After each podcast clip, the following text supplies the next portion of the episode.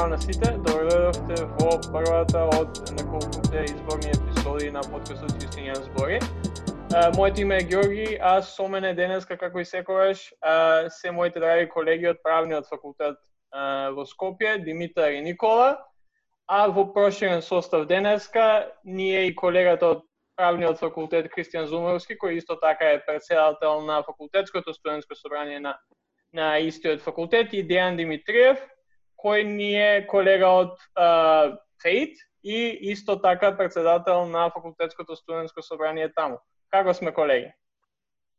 Супер. Добро, добро. Здраво. Тимац, Никола, вие како иде? Лично, супер, многу жешко, ама нека го трпиме. Избор на жештина, имат. Ајде, уште, уште недела дена. Жешко и проблематичен интернет, дефинитивно. не даваат пари за интернет. А, целта целта на на ова на ова епизода ние да позборуваме малце за прашања кои ги мачат студентите во контекстот на изборите кои ќе се случат за една недела. А, имено, ние веќе имаме закажени неколку интервјуа кои што ќе ги снимаме после ова интервју, тоест после оваа епизода, а, со некои од представниците од двете најголеми политички партии во државата, но пред тоа сакавме да позборуваме со некои од представниците токму на студентите, бидејќи секако ние сме студенти и целта на овој подкаст, меѓу другото е и да, да ги промовираме и да зборуваме за, за работите кои нас не досегаат. Па така сакавме изборните интервјуа да ги започнеме со едно студентско, со една студентска епизода, Па така, а, ја би ве замолил Кристијан и Дејан, Кристијан ти веќе ни беше гостен, ама чисто да се представите, да ни кажете како како сте во моментов со студии, како иде со а, факултетските студентски собранија на на вашите факултети и а, како овој изминат период а, во светска пандемија, а, во која што и ние како факултет и студенти се затегнавме, како како иде целиот овој а, процес пред да проминеме на на темите за кои што ќе збориме. Здра, може, Дени може? Ја да почнам. Да, да, да. Пове. Е, здраво, јас сум се Кристијан Зоровски, председател на а, факултетското студентско собрание при правниот факултет Јустијан Први. А, студент сум на мастер студиите по граѓанско право и е, во моментов проблематики на студентите се е, домашни платежни картички, за кои што имаме некои си 120.000 преговори, последно.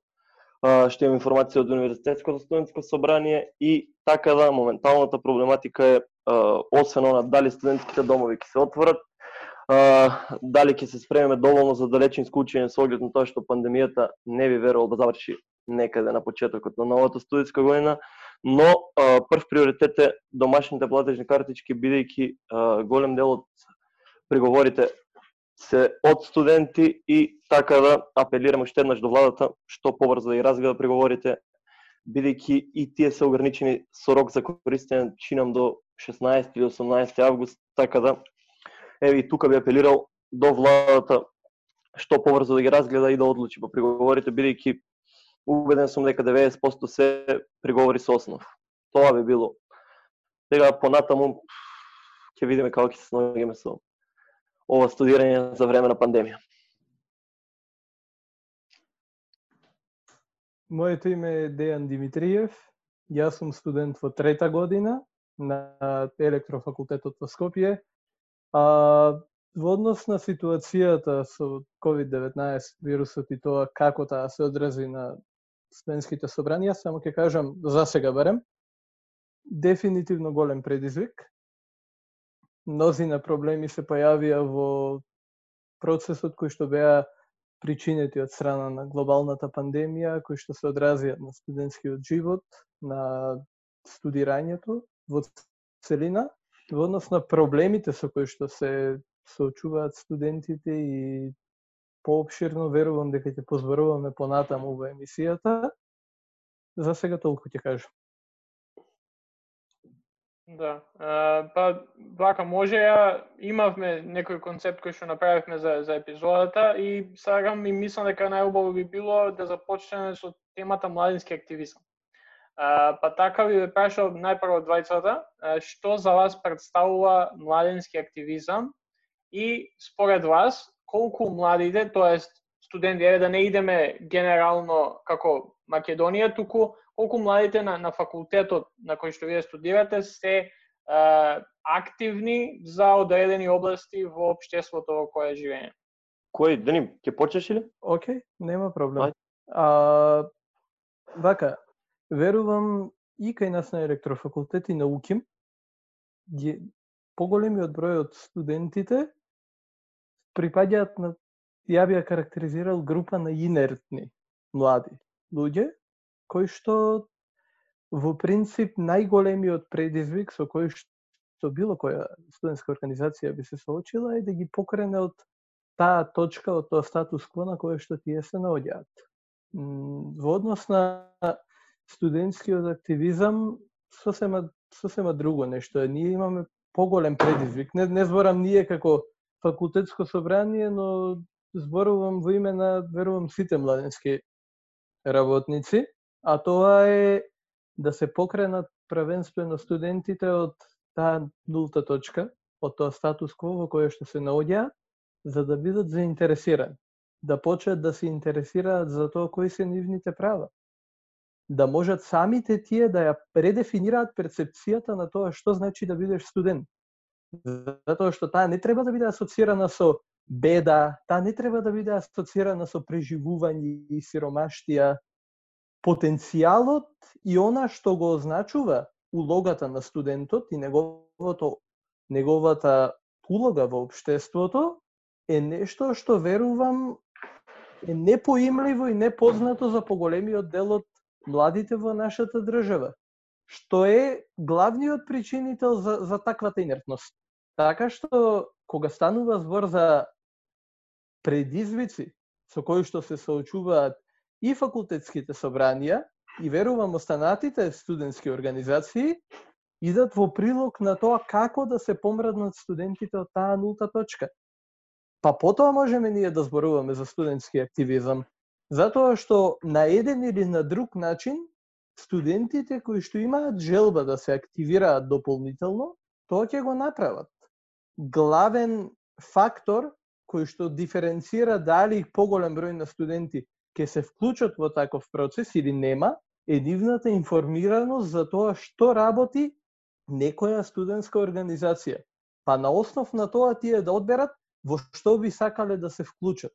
Но во процесот не треба да се капитализираат студентските организации, само да се амасира поголем број, а ефективноста на истите да биде неутрализирана од предходно споменатата инертност треба да се лоцира тој потенцијал и треба да се искористат соодветните студенти за улогите за кои што тие сакаат да да се вклучат. Така што верувам дека генерално студентските организации во периодот исто како и во предходните години најголем најголем предизвик за истите е тие да ги помраднат студентите од нултата точка. Па потоа натаму самите тие може да си одберат дали би сакале, дали не би сакале. И ако одберат да не се вклучате сосема во ред, се додека нивната перцепција за тоа што значи да, да, да бидеш студент, за тоа кои се твоите права, која е привилегијата на тоа ти да бидеш во процес на оформување како академски граѓанин, се додека тие се свесни за тоа, останатото е сосема во ред.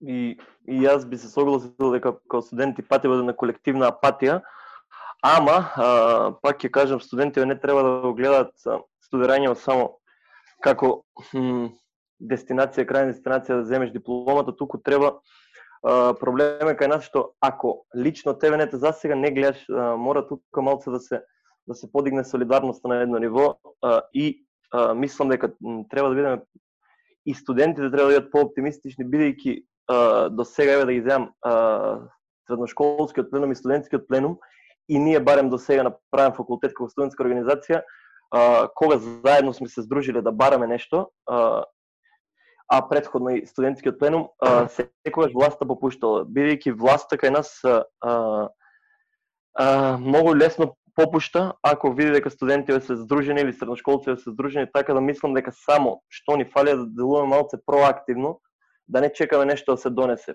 па од после Да реагираме туку треба а, уште пред да се случат одредени работи да ги да ги видиме и соодветно да реагираме. И тука мислам факултетски студентски собрание во наредни години ова година први мандат ни се како а, собрание, мислам дека факултетските студентски собранија пред се ќе имаат клучна улога со запознавање на студентите и затоа мислам дека многу е битно ако ако дозволи а, пандемијава, да кажем, да се одржат први, првиот месец да се одржат многу ориентациони предавања на секој факултет за студентите да бидат запознаени што можат, што не можат и како тоа да го направат. И е, генерално еве сега праш е, баш е, гледам гостеви се Мила Царовска и професорот Тимчо баш прашајте ги зошто, зошто нема ниту еден спот кај што зборува за образованието, туку само се напаѓаат меѓу се. Тоа е прашање ја што го имам до до двајцата кандидати од Скопската изборна единица. Тоа ништо не ви додало тука на дени почи. Јас би сакал да се надовразам на тоа Кристијан што го кажа. Во поглед на тоа, да, се сложувам дека најголемиот адут на факултетските и на универзитетското студентско собрание се самите студенти. Бројката која што може да биде собрана да направи револт. Но не треба да е тоа првенствено средството со кое што ние го трасираме патот.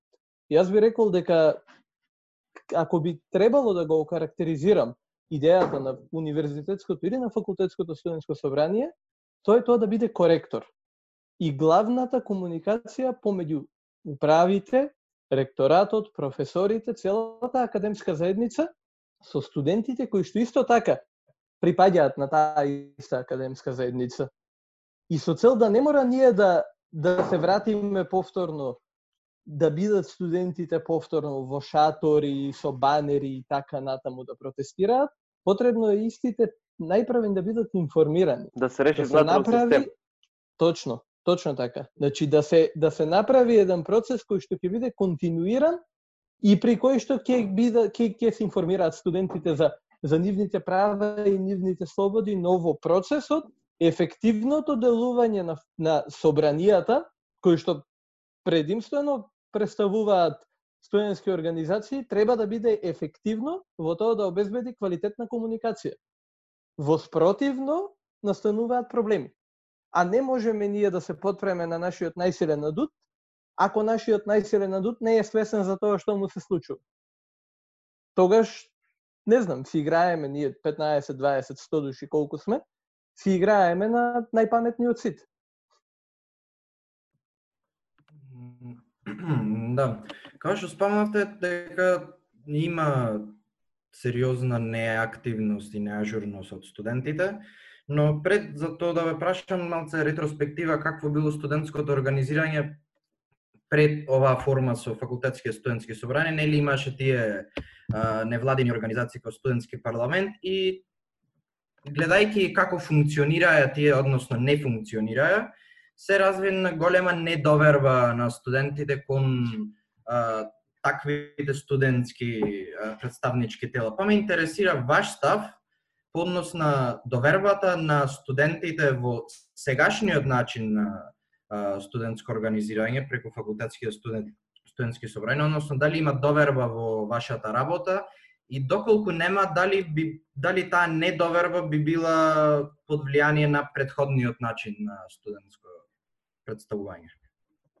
Јас, јас не би ги коментирал повторно. Во предходниот подкаст ги коментиравме веселите дружени наречени парламенти, така да мислам дека веќе треба да престанеме да ги зборуваме парламенти, тие се работа на минатото, не верувам дека некојаш ќе се вратат, А на правниот факултет генерално, јас можам да кажам генерално ни веруваат, но тоа не тоа се должи пред се на студентската организација која што беше во лимбо период кога немаше ни парламент ни собранија и а, таму а, бевме соберени група, голема група на а, квалитетни студенти би, би, би си дозволил да кажам и мислам дека а, според мене довербата што имаат студентите во ФСС на правниот факултет се должи пред се на работата што работеше студентската организација во периодот кога периодот да кажеме од 2017 до формирање на факултетските студентски собранија. Така да мислам дека генерално имаат доверба во нас и а, гледам дека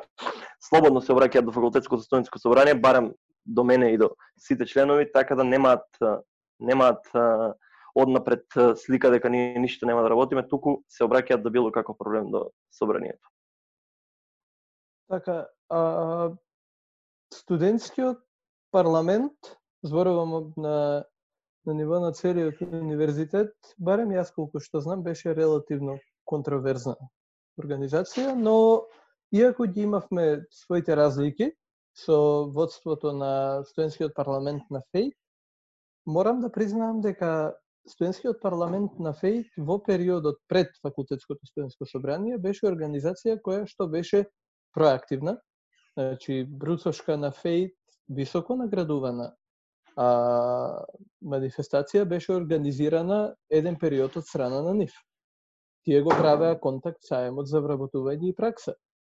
Исто така нешто што беше усмерено кон самите студенти. Па потоа идејата е дека таквата, таквото организирање на електрофакултет постоеше и предходно и пак беше истото нацелено кон тоа да ги анимира студентите на еден или на друг начин. Во последни години таквото интензитетот на таквото здружување се намали пред факултетското студентско собрание да дојде, но во годините пред мојата генерација можам да сведочам за тоа дека на електрофакултет таквото студентско здружување било навистина во многу добра форма и на вистина добро организирано и полезно за самите студенти.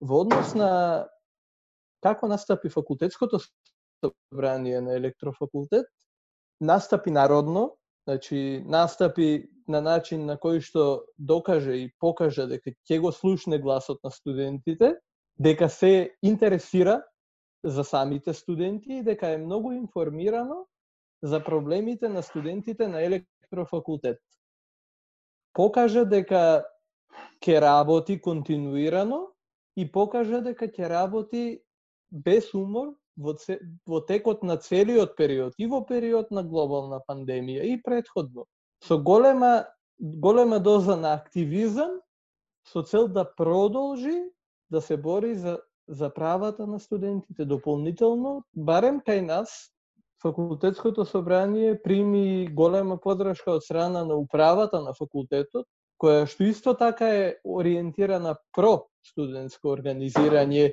и, и која што исто така се грижи за, за она што се права и слободи на студентите. Па така што во овој период јас би рекол дека успеавме да направиме на добра кохезија, што верувам дека ја зацврсти и дека ја дефинира довербата на студентите кон ова тело.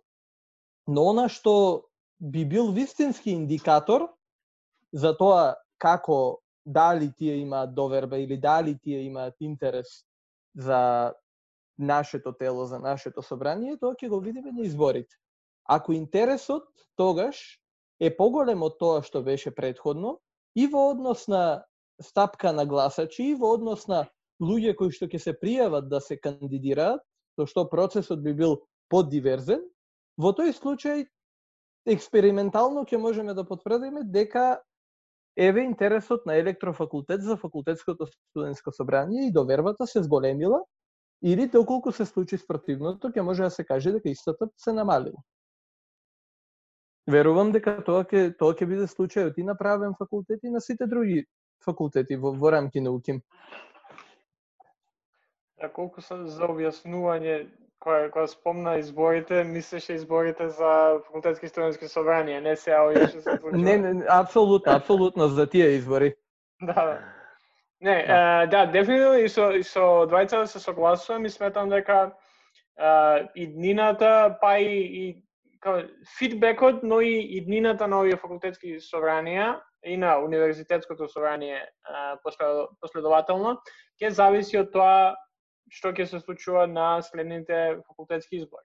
Доколку имаме представници кои што да, кои, кои што се вклучуваат за прв пат и не знам дали ќе бидат тоа брцош и втора, трета година, без разлика која година на студиите, дефинитивно студентското организирање зависи од самото учество во, во овие собранија а, макар било и пасивно, што се одразува преку гласање. Така што а, ќе биде интересно како ќе се спроведе сето тоа и може посебна епизода на, на, и на тоа да посветиме. Но бидејќи аз целта на, на оваа епизода барам која, за која што би сакале ние повеќе да збориме е предстојните избори кои ќе се случат за една недела.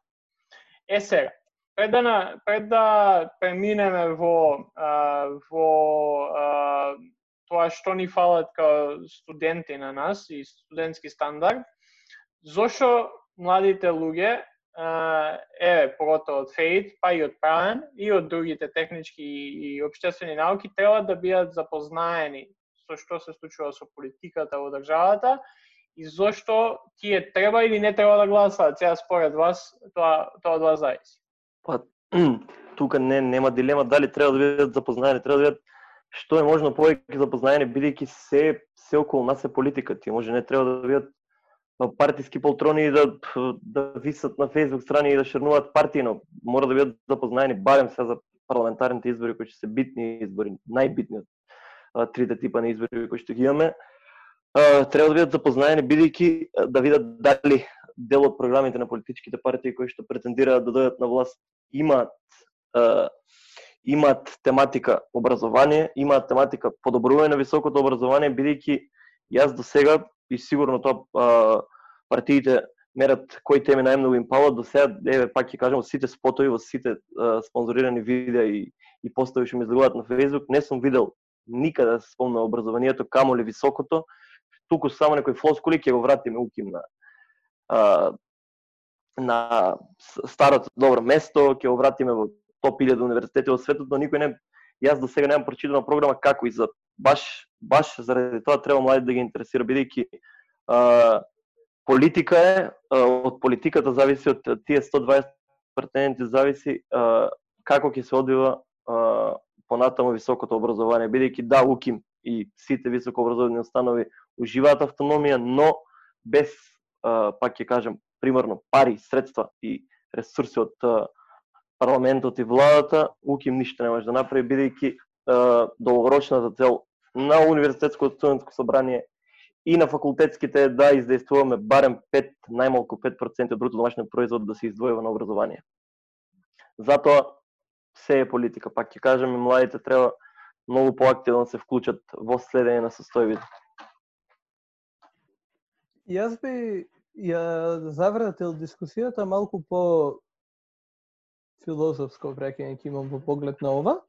А, најпрвин студентите треба да гласаат како полнолетни, рамноправни граѓани во, во оваа република, бидејќи го имаат тоа право на глас. И тоа право на глас, самото по себе, значи многу. И неговата суштинска вредност, но и неговата символичка вредност. Но каде е проблемот? Зошто нема да отидат некои да гласаат? Ја знаете на пораката, главната порака на историјата, историја ест магистра витае, или историјата е учителка на животот?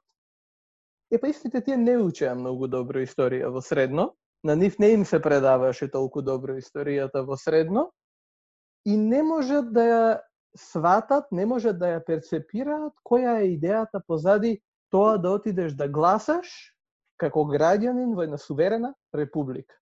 И каква е таа слобода? Зошто тоа е толку битно?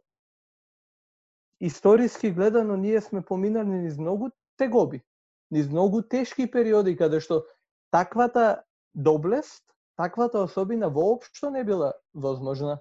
И сега, конечно после толку многу време, зборувам и турско, и бугарско, и грчко, и и секакво робство имаме поминато и сега после толку многу време од 91 година младите и сите останати луѓе може да гласаат во оваа република, но нема да излезат и нема да го направат тоа. Тоа е еден сегмент на проблемот. Друг сегмент на проблемот е, емпат, е апатијата за која што предходно зборувавме. Тие не можат да отидат да гласаат затоа што и тие самите не се способни да направат диференцијација помеѓу едната идеологија и помеѓу другата идеологија. Не само тие, целата наше население исто нешто што пак се надоврзува и пак се враќа на пропустите на образовниот процес. Ако тие во минатото, во своето средно и во основно, ви имале предмети како кои што вистински, суштински и вистински ќе се изучуваат, а ќе бидат за сите како право, како социологија, како етика, историја на уметност, култура и така натаму, и историја, и ако тие се изучувале малку по-суштински, во тој случај ние би имале население кое што ќе биде свесно за различните идеологии. Па така политичките партии нема да може да го фаќаат нашето население на финта за покачена плата за N проценти или пласирање на конкретни бројки, но ќе може да ги лобираат своите гласови на основ на идеологијата која што тие треба да застапуваат, како доминантно левичарски или десничарски или не знам какви уште партии. Но затоа треба да бидат образовани и нашите граѓани, а предимствено нашите млади луѓе, за да може по некоја година истите тие ново настанати полнолетни млади луѓе да одат и да си ги дадат своите гласови, при тоа бидејќи свесни за која е символиката, која е суштинската вредност и при тоа да бидат самите свесни и да имаат јасно дефинирана идеологија за која што тие би гласале. Дали тие би сакале нешто што е поконзервативно, дали би тие сакале нешто што е полиберално и така натаму. А во однос на тоа дали еден доаѓа од правен или од технички факултет, еден мора да е свесен за различните начини на обштествено и политичко уредување, социоекономско уредување, за уставниот, за обштествениот поредок, мора да биде свесен, затоа што тоа се едни од најглавните причинители за, недост... за недостатокот или за дефинирањето на високиот морал.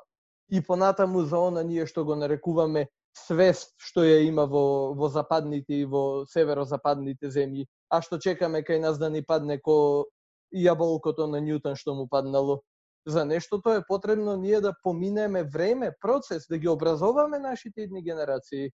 Тие да бидат свесни, да, да им се создаде нив таа свест. Не може ние да бидеме индоктринирани и нашиот главен образовен медиум да се да се вестите.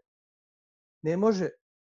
Така што без разлика на тоа студентите од која насока делува, доаѓаат или која би била нивната доминантна овакво професија натаму, тие сепак треба да бидат свесни за овакви работи. Тие се граѓани на едно општество. И тоа го захтева тоа. Академски. За тоа се надевам дека нема ни да треба да зборувам. Оваа емисија. Да, јас само јас само би се надоврзал на ова и двајцата што го што го начнавте изборевте, поготово дените со идеологијата. Мислам дека голем проблем кај нас, освен тоа што младите не знаат многу за идеологија и немаат некоја своја идеологија, туку е, прават одлуки врз база на други работи, сметам дека и, и партиите во државата не знаат што се, не знаат или или не знаат што се или не знаат како убаво да се представат што се. Па така левото е десно, десното е лево, центарот нигде го нема. А, мислам дека е десно. тоа е тоа е тоа е и проблемот као еве ја као левичар, као социјалдемократ за кој да гласам? Или не знам, некој конзервативец кај што гледаш дека партијата која што се представува како конзервативна не е баш толку конзервативна или не се однесува и... Добро, да. Се може да може да идеме по партија, ама сакам да кажам дека најголемиот дел од младите кои гледаат на партии мислат ВМРО и СДСМ и кои размислуваат за идеологии, нема идеологии, поготово во овие две партии. Идеологијата е да дојдат на власт. Тоа мислам дека барем кај нас, па и на Балканот, ако не и пошироко, политичките партии тоа е единствено нешто кое што стварно знаат да го прават. Тоа е како да дојдат до власт. Од која ќе дојдат на власт, после тоа се мислат за следните избори. Е, ништо суштинско не се дешава, па така мислам дека едно е проблемот кај младите кои што не знаат што е идеологија и не знаат што веруваат уопште, а, а друго е дека и партиите исто така и мислам дека причината зашто партиите ова го прават и вака се однесуваат е токму поради тоа што луѓето кои што и младите нормално, не веруваат во идеологии и, и најчесто луѓето ги носат а, поради некоја корист. Е сега, каква корист, за тоа ќе може да збориме три дена и нема да ни биде доста. А, но сакав а, следното прашање да го а, поставам поврзувајќи го она што Кристијан неколку пати го спомна, веќе не знам колку дена сме у кампања, веќе 15, две недели секако има од кога започна официјално изборната кампања. И ја, еве, ја неам видено ниту еден спот кој што содржински убаво ќе објасни што барем евен двете најголеми партии или другите партии, не, не мора да бидат само СДСМ и ВМРО, но неам видено некој да зборува за студентите, за младите, за е, тоа што ќе се направи во образованието, туку се користат, како што Кристијан рече, фоскули. Па така би ве прашал некој ваше гледање на тоа и е, со што мислите што која е причината што се должи ваквата ваквиот однос на на партиите спрема спрема младите?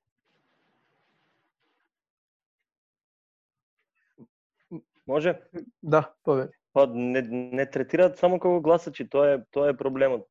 Самото тоа што нас нигде не нема а, ни на улиците, а, ни по факултетите, ни правиме протести, ни бараме нешто, мислам, ова зборам за сите, не не за нас конкретно, а, сега не третираат како гласачи самото тоа што студентите се незаинтересирани, барем до последни избори се гледа дека студентите како група се најмалку заинтересирани и сите викаат мене не ме интересира политика, тука е проблемот.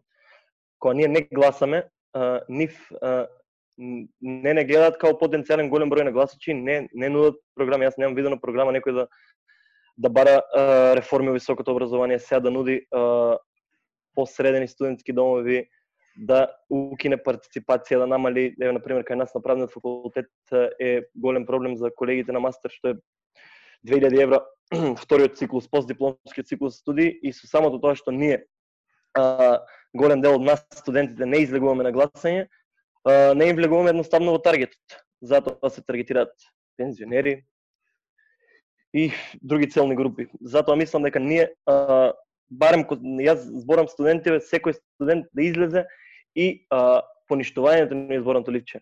Цртање на некој знак и тоа е глас само треба да се прекине со тоа неизлегување на избори.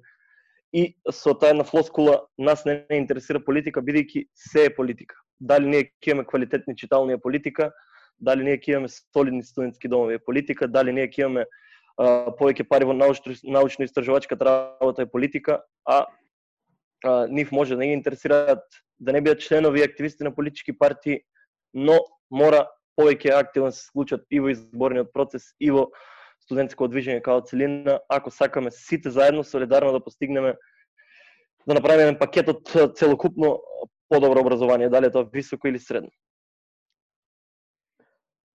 Јас само се сложувам со, со тоа Кристијан што кажа во однос на зошто нештото да се случува. Јас само ќе би сакал да потенцирам важноста на групата на граѓани кои што се нарекуваат млади луѓе. Тоа е иднината. Но не она партиското не она партиската поговорка која што е формалност, но, но суштински младите луѓе се се иднината. Тоа е тоа што ќе остане за десетина години. Па тие ќе имаат свој своји деца кои што тие ќе бидат нови млади луѓе. Замислете вие колку генерации се запоставени на млади луѓе. И замислете го афтер ефектот на тоа, што ќе дојде за некои десетина години. Што мислите, што ќе се оздаде тоа? Јас не би ни сакал да го изговорам зборот.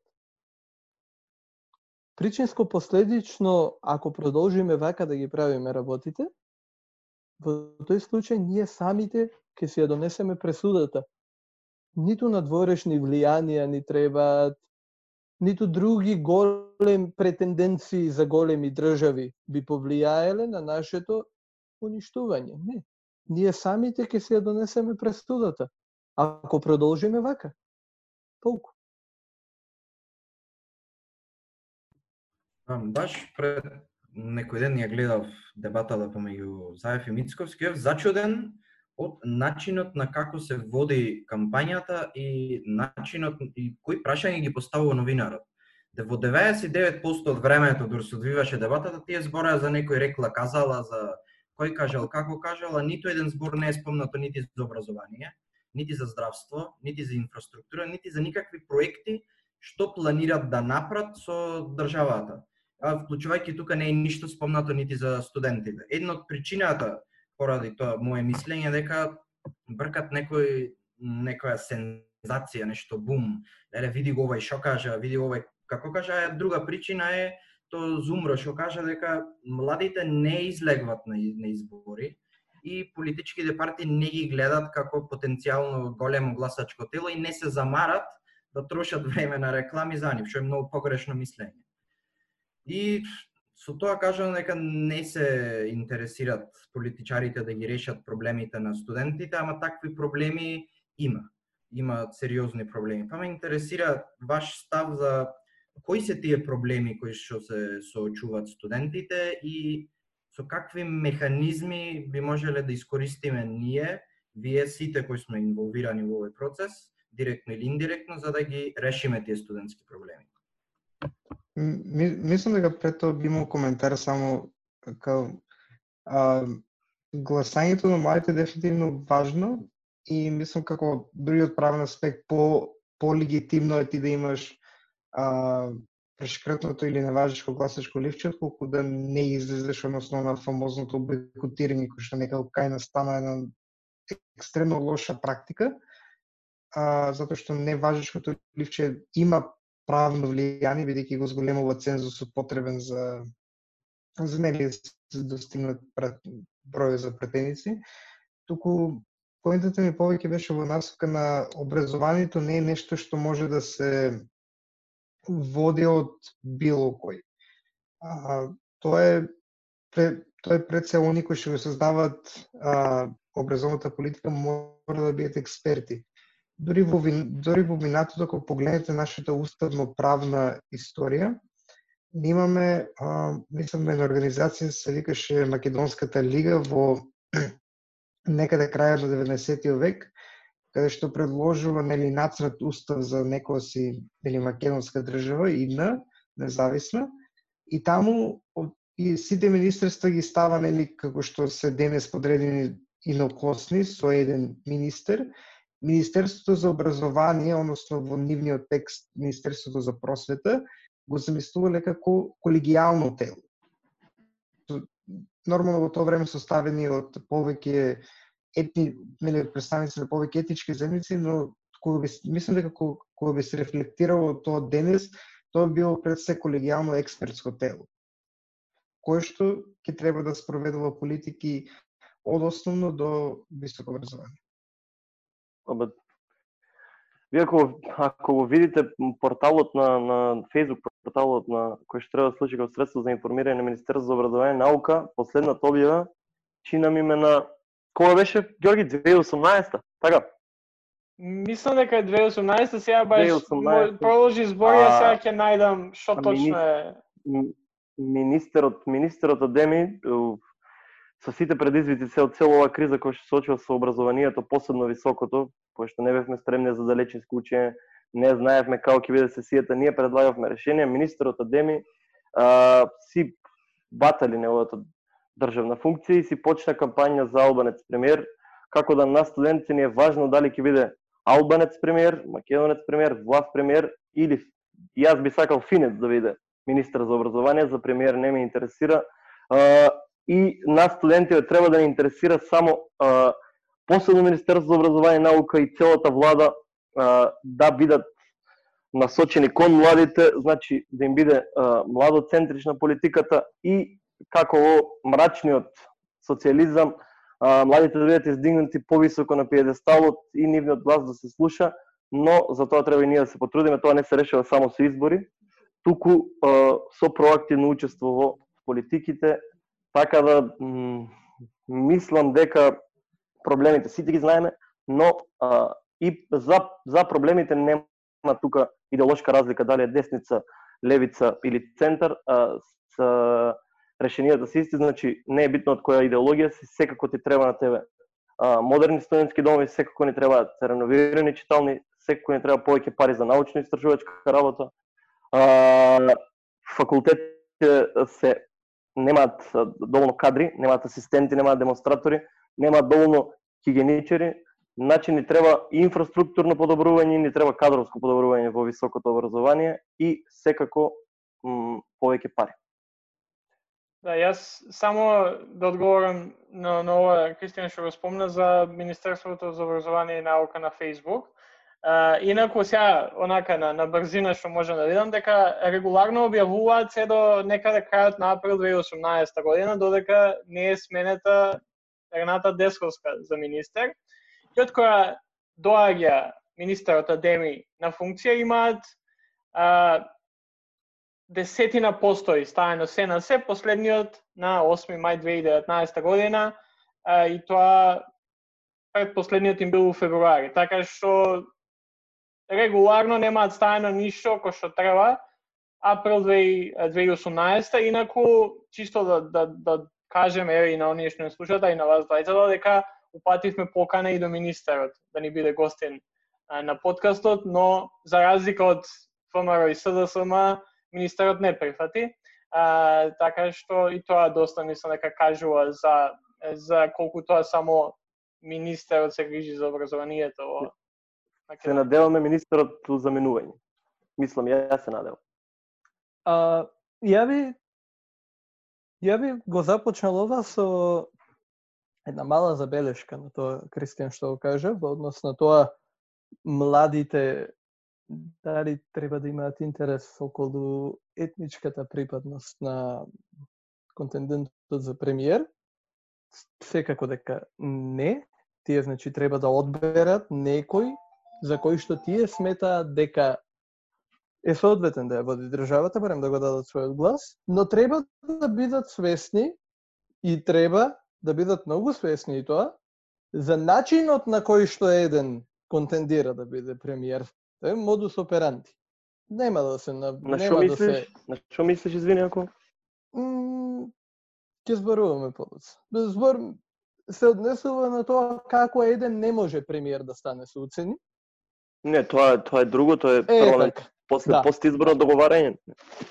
Да, не, не, не, јас зборувам за тенденциите кои што се појавија периодот, но за тоа младите треба да бидат свесни за тоа нешто. Тоа зборува за ова го надоврзувам на тоа претходно што го зборував за тоа како треба да се образуваат и како треба да бидат политички свесни тие и да знаат дека не може така да станеш нешто.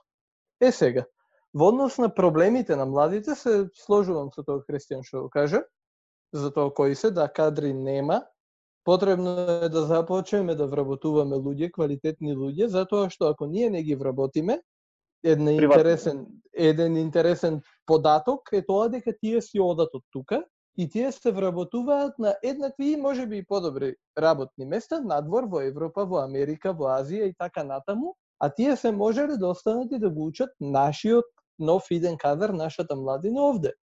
Дополнително на приватниве- тоа, Приватниот факултети ни крадат многу кадри и тоа е проблем. Па да, крадат кадри, затоа што подобро од несигурност, дали тебе ќе те вработат како доцент од имање функција на демонстратор која што истекува пост три години, е тоа ти да имаш сигурна работа и не само не само приватниот приватните универзитети, и приватниот сектор и Европа, како што народски се кажува, ни ги краде кадрите, нашите најдобри од сите области скоро, сите се сите имаат тенденција да заминат од овде. Зошто? Затоа што овде е потребно да се обезбедат услови за тие да останат. Овде е потребно да се обезбеди стабилност за сите тие студенти. Во процесот на своето Па, извини. Н- во процесот на своето студирање тие не може да живеат во гајби. Значи не може да живеат во згради кои што делуваат како да биде како да се погодени од ракета. Тоа е потребно да се промени. не може да живеат во труло, не може да бидат хранети како кучиња. Тоа нешто е потребно да се промени. Тоа многу влијае на перцепцијата на која е студент, така како може би една од најуважените социјални групи, студентите не се третирани толку многу добро. Јас не зборувам за, за големи, за некои посебни третмани, јас зборувам за основни човечки услови за живот. Дополнително на тоа, јас би одел до таму да кажам дека на нашите студенти не достига и обзирност за култура. Им недостига тие да бидат културно изложени, да се едуцираат, театар, така натаму. Идејата за академски граѓани неве може би старомодно ке делува, но еве ке се ке се повикам на тоа и што во во книгите историја го пишува. И бројните карактеризации на тоа каква е дефиницијата за академски граѓани од на писатели во минатото каква била, станува збор за човек што е образован и за филозофија, станува човек што е образован и за психологија и социологија и култура и историја на уметност и така натаму, без разлика на неговото дејство. Колку од математичарите, пример, еве, доста диаметрално спротивна област ќе земам, колку од математичарите во минатото се покажале дека се исто така и врвни филозофи, врвни етичари, врвни полемичари и така натаму. Идејата е таа дека нашите академски граѓани не треба да бидат само кокоњи и да гледаат само директно во нивните области, иако е потребно да се усовршува во тоа соодветно, но е потребно исто така и да се развиваат како карактер, како академски граѓани. Затоа што целата таа изложеност на, на остатокот од светот и неговото поимливо разбирање води кон тоа да тие се градат самите себе си како индивидуи, како оформени, како образовани личности, кои што понатаму може на вистина повеќе да допринесат на обштествениот поредок, отколку такви какви што се сега.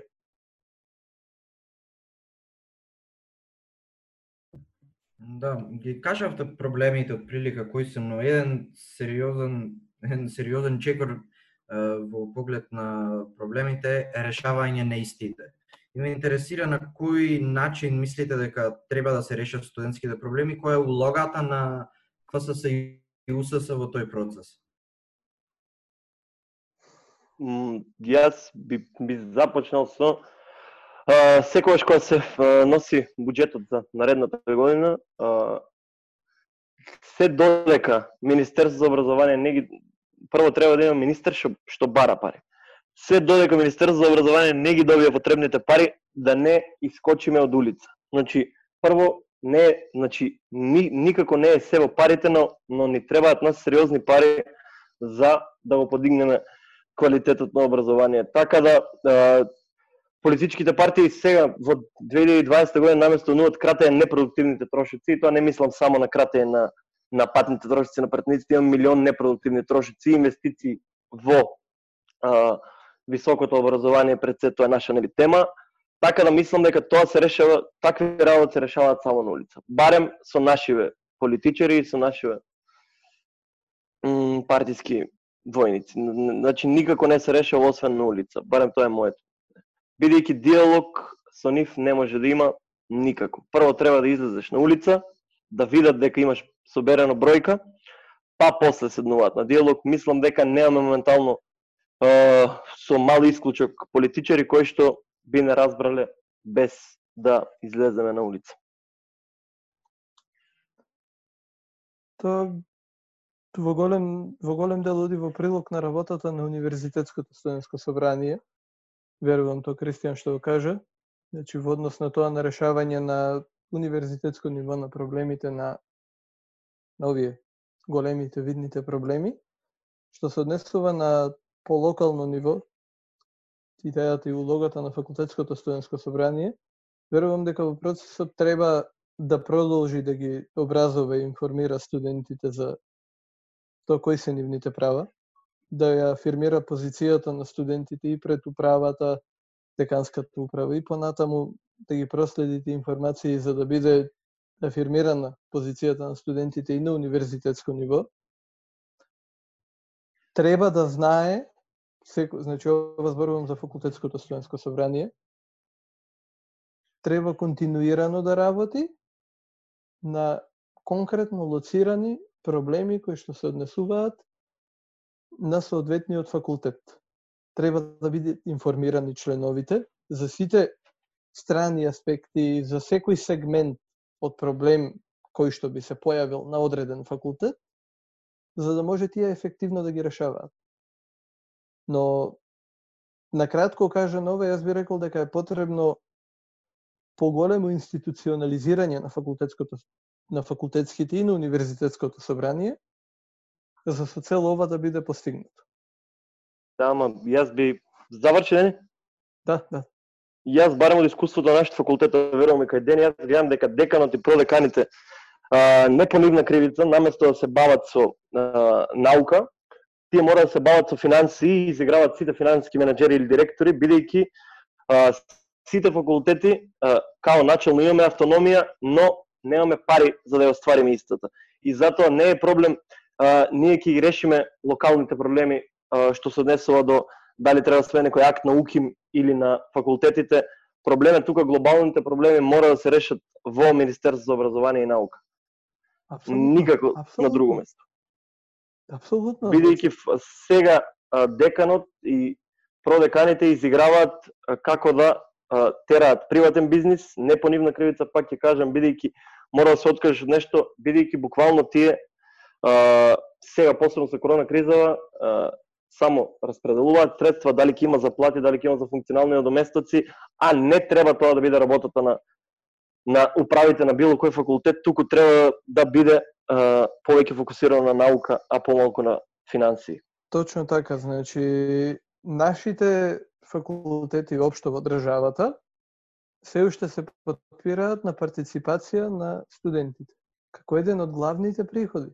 А не треба да постои пред. Тоа не треба да биде фактор и да постои, еве, еве и да постои, да речеме, не треба да биде тоа доминантниот фактор. Каде е приватниот сектор да инвестира пари? Приватниот сектор доаѓа и вели дајте ни кадри. Добро, зошто не даде приватниот сектор доволно ресурси? Зошто дополнително на тоа Министерството за образование, наместо да се меша каде што не треба, не земе да даде да го стимулира високообразовниот процес со некоја финансиска инфузија секоја година, на што ќе ги ослободи факултетите од тоа да тие гледаат колку студенти ќе примаат. Значи не може да не може да се врти бизнис со студентите. Не не е ова фирма кој што викаш ти. Тоа не смее да се случува. Мислам дека еден од проблемите е баш преди тоа што никој нема храброст да ги оданочи бизнисите во она стапка прогресивна која што би требало да бидат оданочени. М, Тоа тоа плюс, јас зборам за ние државни имаме непродуктивни трошења. Еве сега на пример а, супер јас се поздравив уредбата што што се укина државното финансирање на политичките партии. Еве сега тие 10 милиони нека се раз, или 4 колку е нека се распоредат во во образованието. Проблемот тука што и а, министрите, министрите до сега барем за образование а, не биле доволно гласни и храбри внатре во владата. А, Секогаш се крши копието, копието се крши секогаш на здравство и образование. Тука е проблем. Читав еден извештај кој што беше објавен предходната година, мислам. Нели сите министерства имаат распределено некој буџет на почетокот од фискалната година. Имаше министерства, верувам дека тоа беше Министерството за животна околина и она за информатичко општество, кои што има, ако не се лажам, по половина од буџетот неискористен. Тоа е доволно, сами таа една половина е доволна знатно да го промени високото образование во Републиката. Да не зборуваме за Но- на кои што Министерство за образование троши пари. И плюс се формираше безпотребно ново министерство за политички системи односи меѓу заедниците, буквално безпотребно. Не знам ни што работи тоа, искрено да бидам. И они не знаат што работат. Ето, Така ако веќе се формираше ново министерство, подобро би било да биде министерство за млади, ама тоа се проблеми. Баш баш заради тоа младите треба да се вклучат активно во политиката, не само на изборите туку активно да следат што се случува, бидејќи се е политика. Кажам. Апсолутно. Јас би рекол би бил малку порадикален да кажам дека агенцијата за млади и спорт треба да работи и како агенција за млади, не само како агенција за спорт. Чисто да и од таму Е, може то- да се Јас нив, пари. агенцијата за млади и спорт во последниот мандат би е едина институција што би ја пофалил, мислам. Има вака, Барем има джелба за за соработка едно е желба, но идејата е дека малку и по-прогресивно и од таму треба да се настапи. Видете, колективен напредок е потребно да се направи во, во поглед на ова. Значи, дали државата има пари? Да, има пари. Ако за, за вакви работи. Значи, малте ако ништо друго, нека не ги крадат, ќе ги дадат тие пари за вакво. За, за високото образование. Идејата е се како тоа да се направи. Овде доаѓа улогата на Универзитетското собрание, кое што на кој да е следен министер за, за високо образование, верувам дека од почеток ќе треба да фирмира својата позиција и да се покаже силно, да се покаже како тело кое што треба сериозно да биде сватено, затоа што ако започне на почеток добро, верувам дека понатаму ќе биде полесно да се дефинира тој канал на комуникација.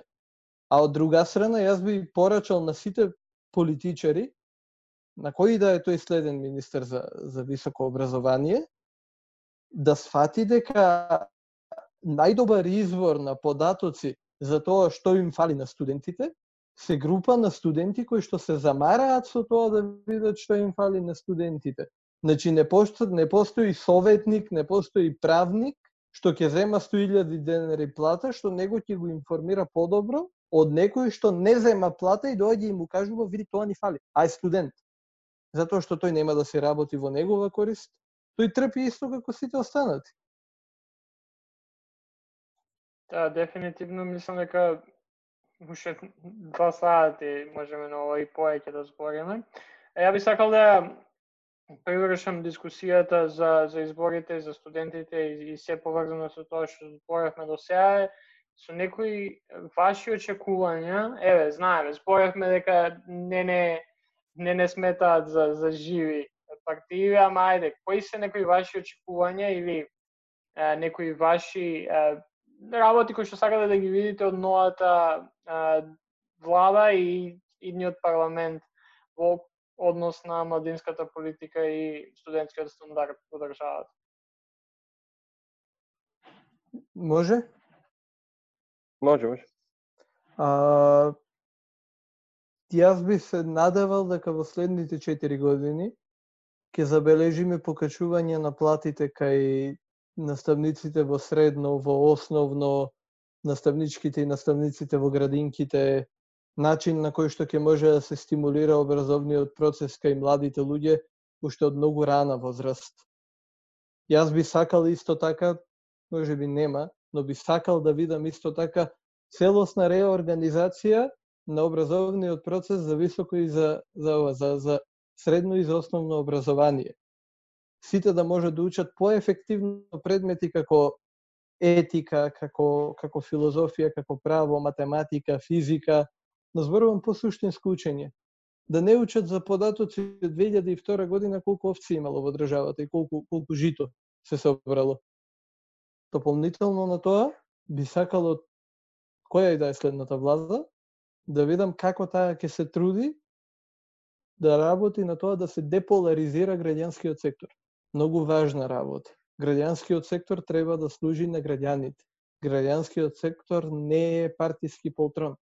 Тоа што се случи со шарената револуција и тој период, кога беше, кога настана тој продор и се поларизираа граѓанските организации, потребно е сега да се промени со цел да можат луѓето пак да се подпрат на граѓанските организации. Воспротивно, ако тие се делат на СДС и на ВМРО, нема да тој граѓански сектор е неефективен и практично непостоечки. А граѓанскиот сектор е главниот коректор на владиниот сектор, затоа тој се вика невладен сектор. Но, тоа нешто како оди во прилог на младите. На тој начин што младите може да ја зголемат својата мобилност, својот пристап до неформално образование. Доминантно и фокус мора кај нас да биде формалното образование. Тоа е неминовно. Но и неформалното образование треба да биде неполаризиран, бар за почеток. Дополнително на тоа треба да се афирмираат програмите за мобилност, кои што студентите може да ги преку кои што студенти и ученици може да бидат отворени и да прошетаат дел од светот, да се образуваат културолошки, да ги зголемат своите искуства на тој начин. Верувам дека и тоа води кон дефинирање и кон создавање на малку пообразована и покомплетна младина. Во однос на финансирањето на такви работи, владата е потребно преку своето Министерство за високо образование да инвестира во тоа не само студентите да може да излезат од овде и да студираат на еден од стоте универзитети на Шенгајската листа, туку и на своите локални домашни универзитети да обезбеди подобри ресурси. Повеќе пари, повеќе кадар, со цел истите тие студенти кои што би претендирале да одат да студираат надвор да останат овде. Па пак ќе кажам, нештото го заснувам како план за следните 4 години. За со цел ние после 4 или може би после 8 години на таа млада средина која што ќе дојде, да може да им пружиме можност да имаат квалитетно образование и да се развиваат како квалитетна младина овде. Дополнително на тоа, младите е потребно да бидат изложени на култура, да бидат едуцирани за културолошките знаменитости.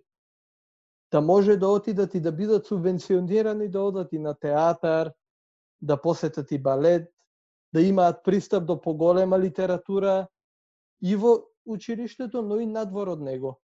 За со цел ние да можеме да ги покомплетно образоваме нашите млади. Верувам дека образованието, правилното, системското образование е тоа што на крајот на денот ќе создаде проактивна или свесна или како сакате да кажете, но образована младина. Нешто што во моментов не достига од повеќе сегменти. Тоа е се опешно. Јас би сакал да видам мод прво модерни студентски домови, второ факултети растеретени од враќање на долгови и правење финансиски планови и пополнување дупки кои кој декан предходно оставил, колку пари и а, факултети со приемни испити. Мене, јас лично е тоа мојата заложба.